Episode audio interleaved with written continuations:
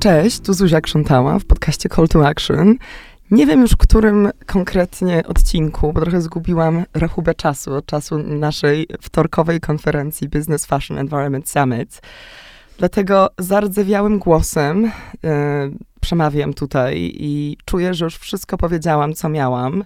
I nic więcej nie mam do oddania, co jest moją sprytną właśnie strategią, żeby Was wszystkich przekierować na kanał YouTube Wok Polska, gdzie można odsłuchać całą relację z wydarzenia. A stery dzisiaj oddaję moderatorce jednego właśnie z paneli o cyrkularnej modzie, która była, słuchała i może bardziej przytomnie jest w stanie podsumować wszystko, co się wydarzyło. Chcemy zrobić taki best of, highlighty, co można, gdzie można by było bardziej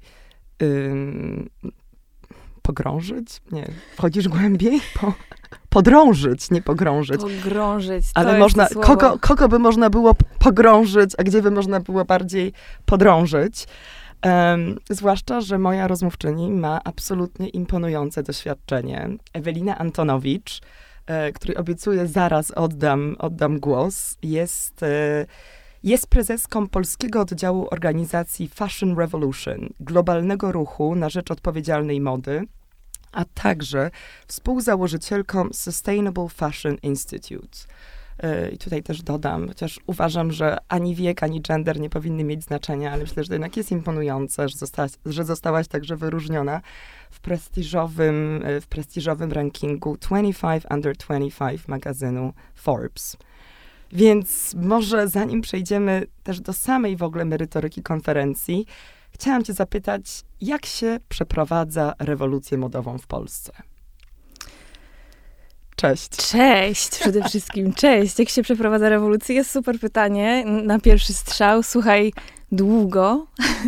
Wytrwale. Wytrwale. E, trzeba mieć rzeczywiście jakąś taką anielską cierpliwość z jednej strony, jakąś dozę siły, determinacji i też takiej umiejętności e, podnoszenia się po, po nie do końca czasem udanych e, próbach zmiany albo zmiany, która dzieje się niewystarczająco szybko jakąś taką akceptację do tego, że wszystko jest procesem, że tak naprawdę zmiana czy tytułowa rewolucja nie zadzieje się w jeden dzień czy w jeden wieczór, żeby nie mieć takiej presji, że wszystkie nasze działania, bo Fashion Revolution to nie tylko ja, to, to cały świetny zespół, że te wszystkie nasze działania rzeczywiście krok po kroku przynoszą efekty, są, są y, widzialne, są potrzebne. Też dostajemy taki feedback, że e, działania edukacyjne, aktywizujące, mobilizujące, uświadamiające te wszystkie oddole nasze aktywności e, mają sens, są potrzebne i, i ta właśnie aktywność i wytrwałość popłaca.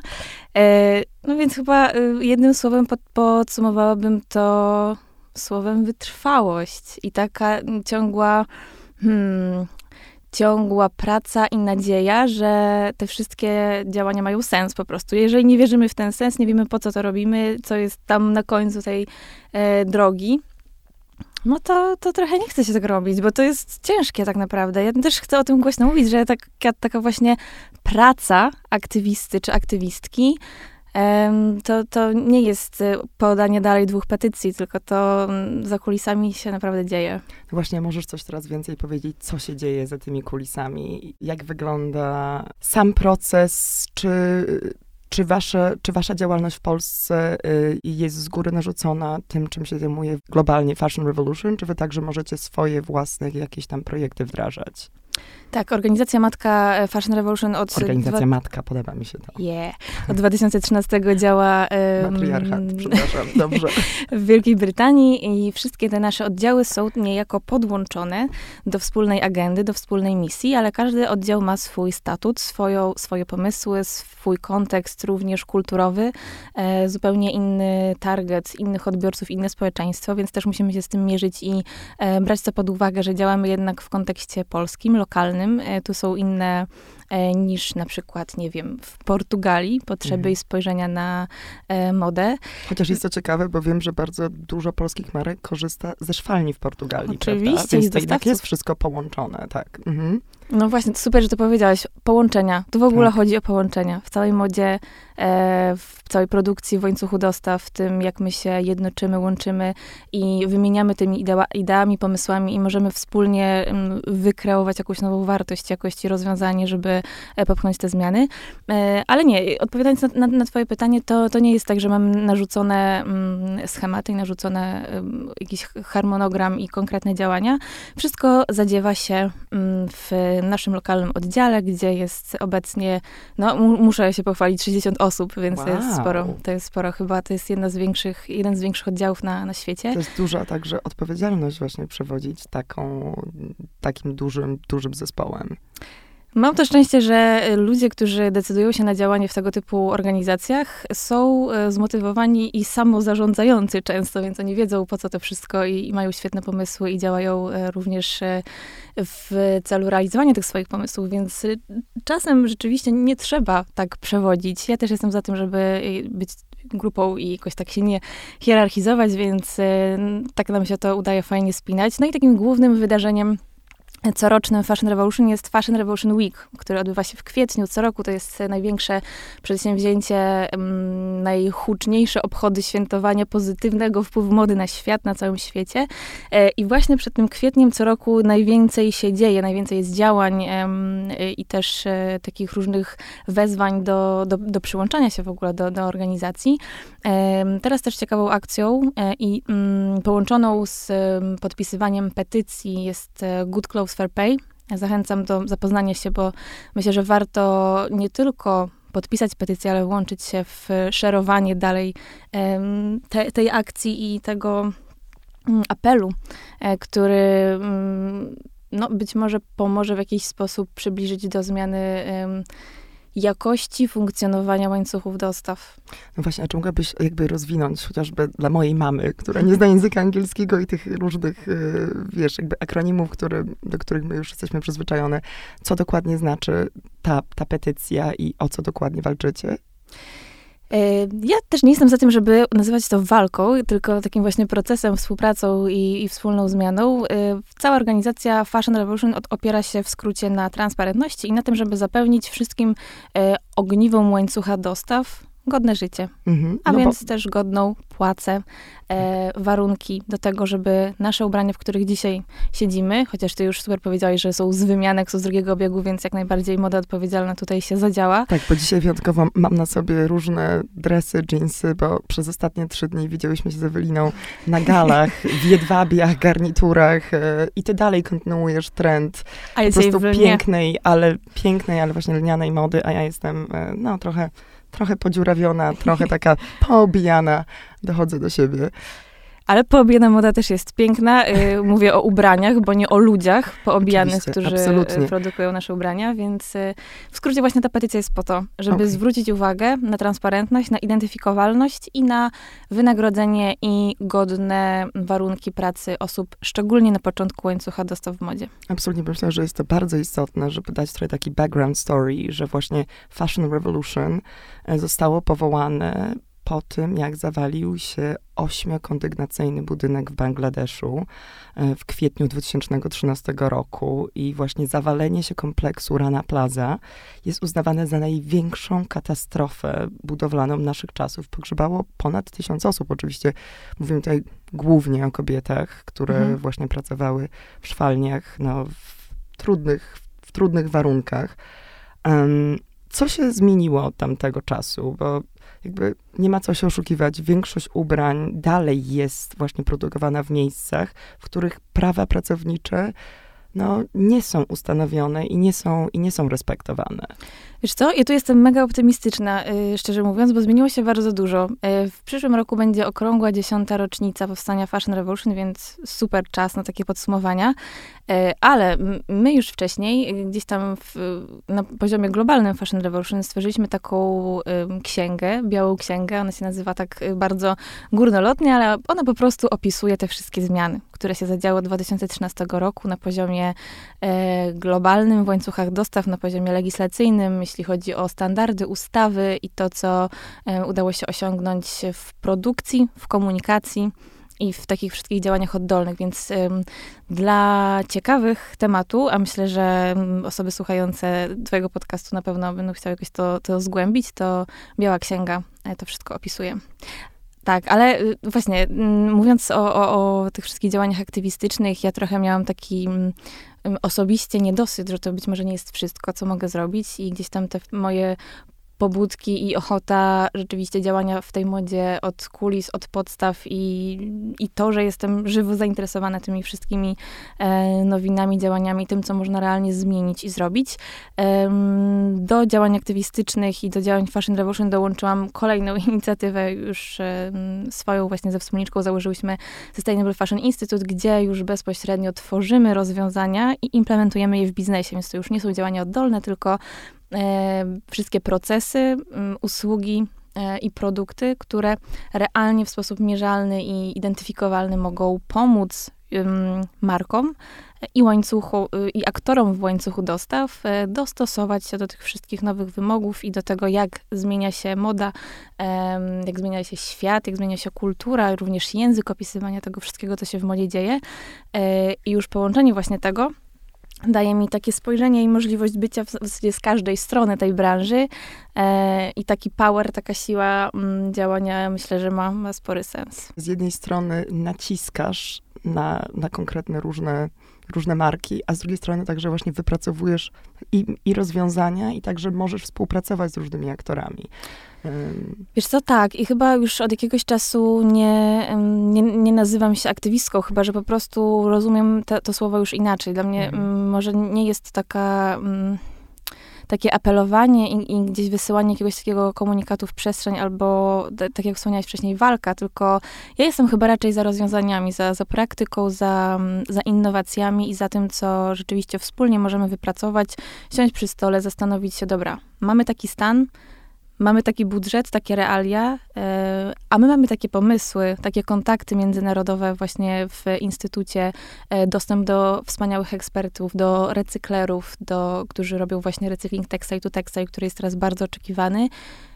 I możemy wam pomóc, wiemy jak i, i usiądźmy i po prostu to zróbmy. Więc e, to już nie tylko mówienie o tym, bo tych rozmów jest, jak zauważyłaś pewnie ostatnio, bardzo dużo. Wszystkie są bardzo podobne, mówią bardzo... Mm, czasami rozbieżnym językiem. Też, czy też w ogóle słowo sustainability jest bardzo pojemne i bardzo takie, co ono właściwie znaczy dzisiaj, nie? Co kto chce zakomunikować, y, podciera się słowem sustainability, ale ym, myślałam o tym i, i, i szukałam w, tutaj właśnie wśród, wśród swoich zdjęć z konferencji ym, prezentacja Lucy Shea y, z Futery, która powiedziała, no i nie, nie, nie, mogę teraz znaleźć dokładnie tego cytatu. Że nie potrzebujemy komunikować tak, informacji o katastrofie klimatycznej. Bo ona sama się komunikuje. Ona więc sama pod, się komunikuje. No, no tak, mhm. właśnie. I to jest ciekawe, to jest to, o czym mówiłaś, o tym apelowaniu, że też w pewnym sensie, jeżeli cały czas jesteśmy zalewani informacjami o, tej, o tym negatywnym mhm. impakcie mody, no w ogóle to też w pewnym sensie nas to mm, dołuje. dołuje i mobilizuje. Mhm. To jakby to nie sprawia, że my pójdziemy do przodu, tylko po prostu zamykamy się w sobie. No, nawet przyjął się taki termin jak eco, eco anxiety, czyli Oczywiście. po prostu niepokój mhm. związany ze zmianami klimatycznymi, no, które są też większe niż my. Znaczy zmiany się już dzieją, więc bardzo mi się też podoba, że w swojej komunikacji, tutaj już, to już usłyszałam, jak o tym mówiłaś, mówisz też o pozytywnym aspekcie. Podkreślasz, że te zmiany faktycznie się dzieją. Nawet tak jak widzimy, jeżeli mamy takie okrągłe dziesięcioletnie rocznice, to możemy zrobić takie dobre podsumowanie, mhm. bo to też nas napędza do dalszego działania, rozpoznanie, zatrzymanie się, gdzie jesteśmy i gdzie byliśmy. Um, i ile nam się już udało. Mhm. Słuchaj, y, jeszcze na, na konferencji, jak miałam okazję mm, prowadzić panel o cyrkularności, to powiem ci, że walczyły we mnie lwy, bo z jednej strony wiadomo, e, przedstawiciel globalnej marki odzieżowej wszystkim znanej. Możemy powiedzieć, szwedzki gigant. No, słuchaj, wszyscy no, mogą tak. sprawdzić w agendzie, jest także nagranie, nie uciekniesz przed tym. YouTube wszystko zapisuje. Pascal Brun, głowa sustainability w H&M. Mhm. I po prostu tak, no tak, stanęłaś z nim odważnie, twarzą w twarz, oko w oko na scenie, tylko byliście we dwoje, bo Reszta e, online. reszta online się połączyła, uciekła. No i to ciekawe, też nie mieliśmy się okazji wcześniej poznać, więc to było nasze pierwsze starcie, pierwsze spotkanie. Starcie. I, e, Mówiłaś, że nie walczysz, a no jednak... właśnie, ale i walczyły we mnie lwy, bo, bo z jednej strony, e, no właśnie, to jest profesjonalna konferencja. Tutaj przyszłam prowadzić panel. To nie są moje prywatne jakieś e, tutaj opinie i, i wiadomo, że gdzieś tam reprezentuję sobą, swoją osobą pewne wartości Fashion Revolution, ale jednak to kulturalny panel, więc, więc po prostu y, łudziłam się do ostatniego momentu, trochę chyba jako idealistka, że usłyszę jakieś nowe odpowiedzi. Mm, I po zakończonej dyskusji, po skończonym panelu, y, podszedł do mnie znajomy i powiedział: Słuchaj, zaczęłaś z wysokiego C, ale chyba nie sądziłaś, że publicznie na międzynarodowej konferencji od y, szefa działu zrównoważonego rozwoju w HNM usłyszysz coś o greenwashingu, coś innego, coś, co do tej pory nie padało, coś, co nie jest zaplanowane, żeby odpowiedzieć.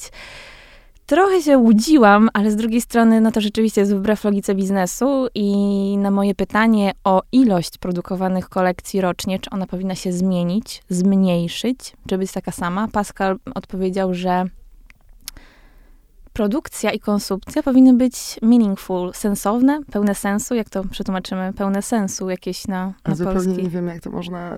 I co to znaczy, nie? Dokładnie, co to znaczy. To jest, to jest Raczej słowo... biznes nie robi rzeczy bez To sensu, raczej bo to słowo trochę takie bardziej jakby meaningless, a nie full, no ale... Hmm. I powiedział, że właściwie to produkcja będzie się zwiększać i firmom takim właśnie, takim gigantom jak ta, chodzi o to, żeby zmieniać zasady tej produkcji, jakość tej produkcji i jakoś wpływać na konsumpcję poprzez nowe modele cyrkularne, ale niestety nie padło e, słowo ani żadna deklaracja, ani w ogóle zastanowienia nad ilością, tylko podążanie właśnie za wzrostem tej ilości wciąż, co jest e, wyzwaniem.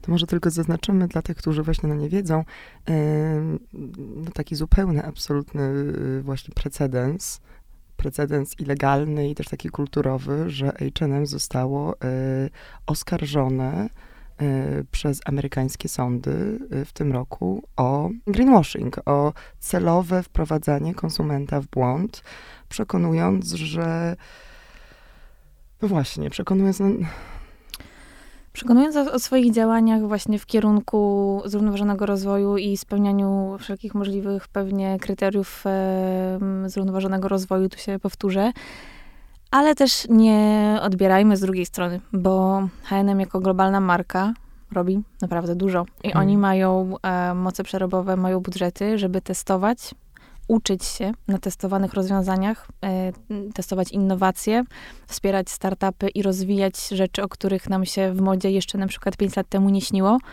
i je skalować, czyli wprowadzać do, do świata mody te rozwiązania, które rzeczywiście mogą jej pomóc. Mogą jej pomóc, e, jeśli chodzi o projektowanie w sposób e, bardziej przemyślany, cyrkularny, o ekoprojektowanie. Może mogą te rozwiązania pomóc w produkcji, która będzie mniej impaktowa, będzie generowało dużo mniejszy e, wpływ środowiskowy, e, będzie bardziej etyczna, odpowiedzialna.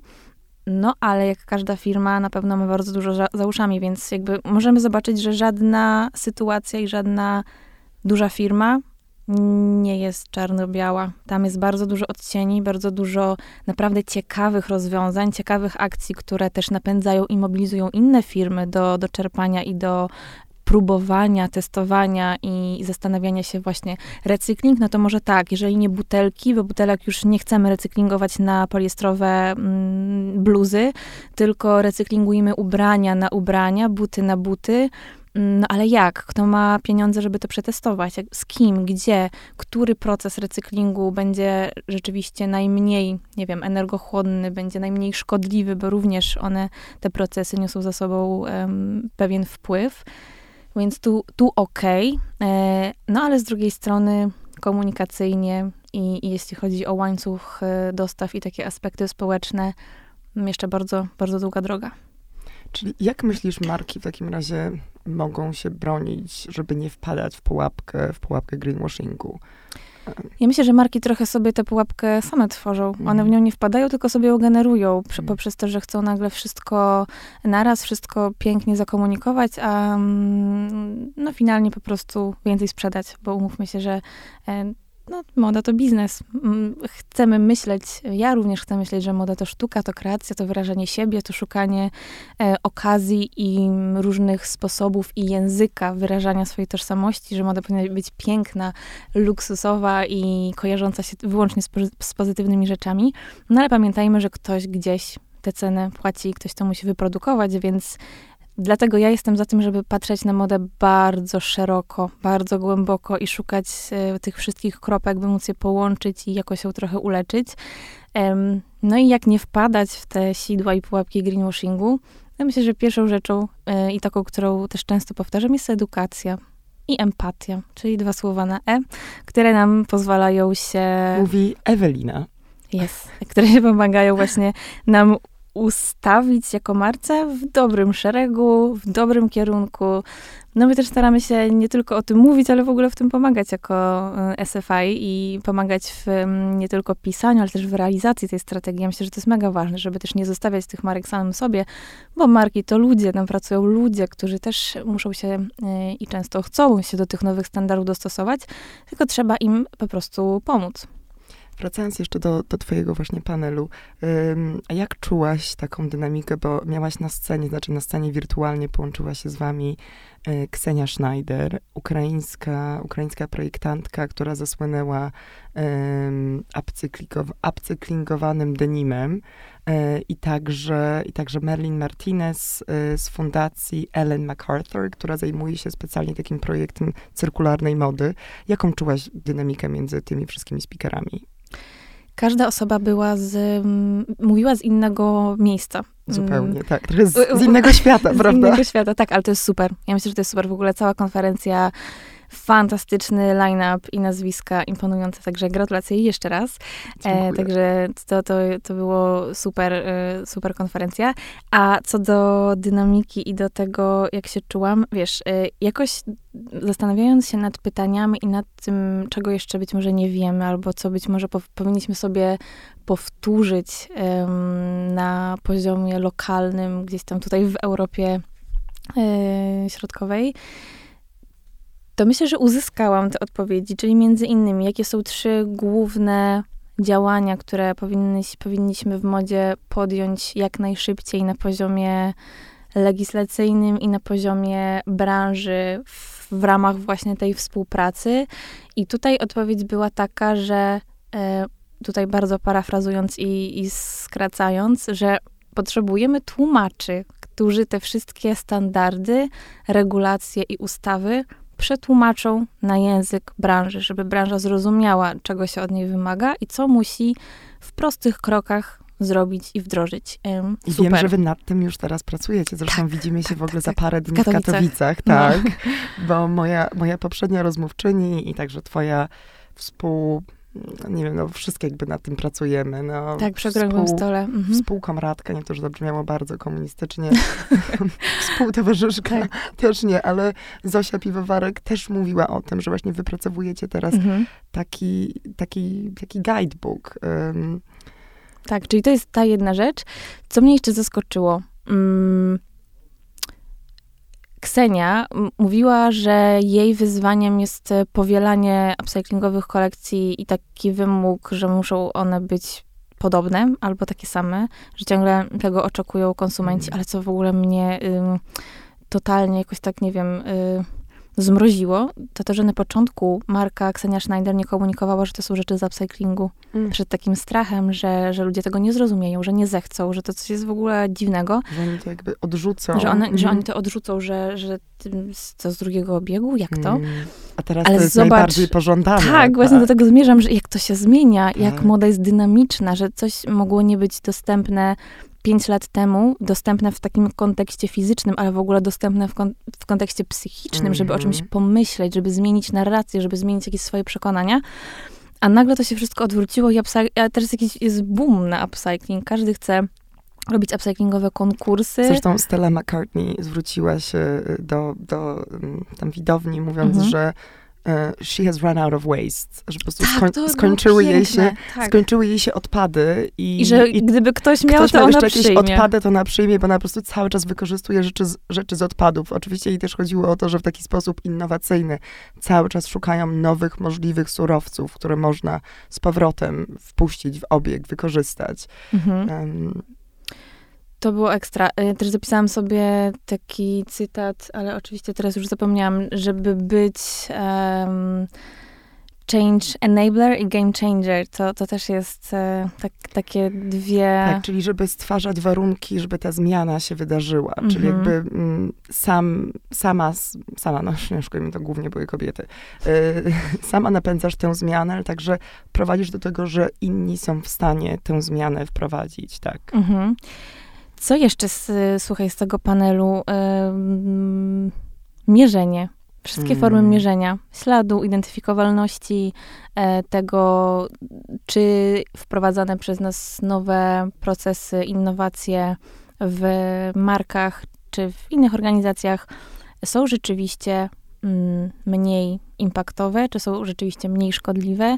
No Em, tak, czyli na ile są to puste hasła, słowa, Mhm. a na ile faktycznie mamy dane, twarde dane, żeby później przedstawić, zmierzyć, zobaczyć, jak to, jak to z czasem zmienia. To chyba mówiła Bettina Heller y, z, z ONZ-u, prawda? Albo Merlin Martinez, A, któraś albo z nich. Martinez. Mhm. Mhm. Ale wiem też, że Bettina Heller mm, na moje pytanie o to, co jesteśmy w stanie zmienić w tak krótkim czasie do 2030 roku, odpowiedziała bardzo przekornie i optymistycznie, że przecież w modzie em, pracują. Tak, ale że, że w modzie pracują bardzo kreatywni innowatorzy, że tak naprawdę to jest bardzo dużo czasu, że skoro tutaj moda w ogóle jest kreatywną branżą, to powinna coś wymyślić. I to jest, kurczę, Absolutnie. prawda. Słuchaj, No tak, masz, masz rację, bo zostało nam 8 lat. Pomnożyć to przez ilość sezonów, to jest już tak wyjściowo 16. Jeżeli tego się jeszcze weźmie Resort Collections i Mhm. inne, to już prawie, to już, to już jest prawie 30 ileś. Jeżeli Mhm. jesteś w stanie wymyślić 30 różnych kolekcji, a nie masz pomysłu, jak zrewolucjonizować modę, żeby zmniejszyć emisję dwutlenku węgla i osiągnąć ten już niemożliwy próg 1,5%, no już teraz chyba walczymy Tak, o, o 2%, prawda? No, cokolwiek właśnie z Powinniśmy- porozumienia paryskiego, myślę, że to jest e, bardzo ważne, uchować. Mhm. mm, żeby w ogóle śledzić wszystkie wytyczne, ustawy. Podsumowując, wydźwięk tego panelu o cyrkularności wydawał się w miarę optymistyczny, mimo że rzeczywiście mało czasu nam zostało na, na prawdziwą transformację i moda się nie wydaje, że bardzo do niej przybliża, ale ja jestem za tym, żeby dalej łączyć siły, współpracować, szukać rozwiązań, mierzyć ślady, poprawiać i usprawniać swoje strategie zrównoważonego rozwoju, recyklingować i szukać jeszcze innych sposobów na wdrożenie kryteriów mody cyrkularnej, nowych cyrkularnych modeli biznesowych.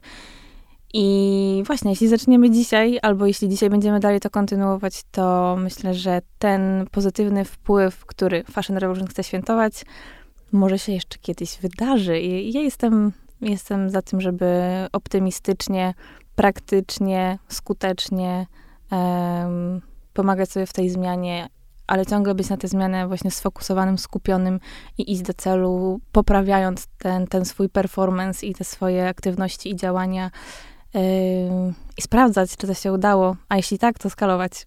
Fantastycznie, bardzo, bardzo Ci dziękuję. E, Panel, któremu moderowała Ewelina, można zobaczyć na YouTubie, na kanale Wok Polska i także będą na mediach społecznościowych Wok Polska kolejne e, refleksje i relacje z naszej fantastycznej konferencji. My się widzimy w Katowicach, a w kwietniu świętujemy Fashion Revolution Week. Dziękuję Ci bardzo. Dziękuję.